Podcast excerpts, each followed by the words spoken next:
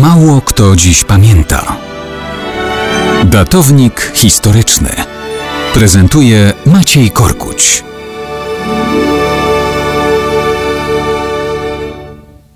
Mało kto dziś pamięta, że 15 listopada 1982 roku odbył się pogrzeb sekretarza generalnego Komitetu Centralnego Komunistycznej Partii Związku Sowieckiego Leonida Ilicza Breżniewa, który zmarł 10 dni wcześniej.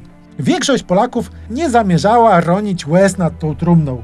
Raczej u nas nie mówiono, że Breżniew oddał ducha. Częściej mówiono, że wyciągnął nogi albo o wiele gorzej. Trudno się dziwić. Właśnie trwała noc stanu wojennego. Jaruzelski zlikwidował czas solidarnościowego oddechu wolności, przywracając pełną kontrolę Moskwy nad Polską. On oczywiście na pogrzeb do Moskwy pojechał. Wszak zaledwie kilkanaście miesięcy wcześniej osobiście dziękował Breżniewowi za zaufanie i powierzenie funkcji pierwszego sekretarza KC PZPR.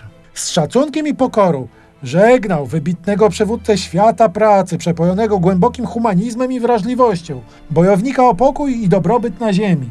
W rzeczywistości Breżniew był oficerem politycznym w Armii Czerwonej i działaczem komunistycznym, który konsekwentnie piął się na szczyty władzy. Na starość, zniszczony przez choroby, używki, leki, papierosy i duże ilości alkoholu, nie przypominał człowieka, którego nawet kiedyś uznawano za najprzystojniejszego gęseka sowieckiego. Owocem jego wychwalanych oficjalnie zalet intelektu były potężne trzy tomy wspomnień. Otrzymał za nie w 1980 roku Nagrodę Leninowską i został ogłoszony wielkim pisarzem. Chociaż w rzeczywistości napisał to wszystko za niego Anatolij Arganowski. Medale i ordery mógłby Breżniew sprzedawać na kilogramy.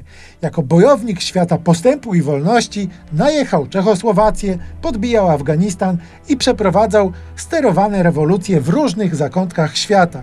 W sprawie stłumienia Solidarności oczekiwał od Jaruzelskiego samodzielnej aktywności, wspierając stan wojenny działaniami medialnymi i politycznymi. Jaruzelski zadania wykonał, a swojemu przywódcy 15 listopada 1982 roku hołdy należne złożył.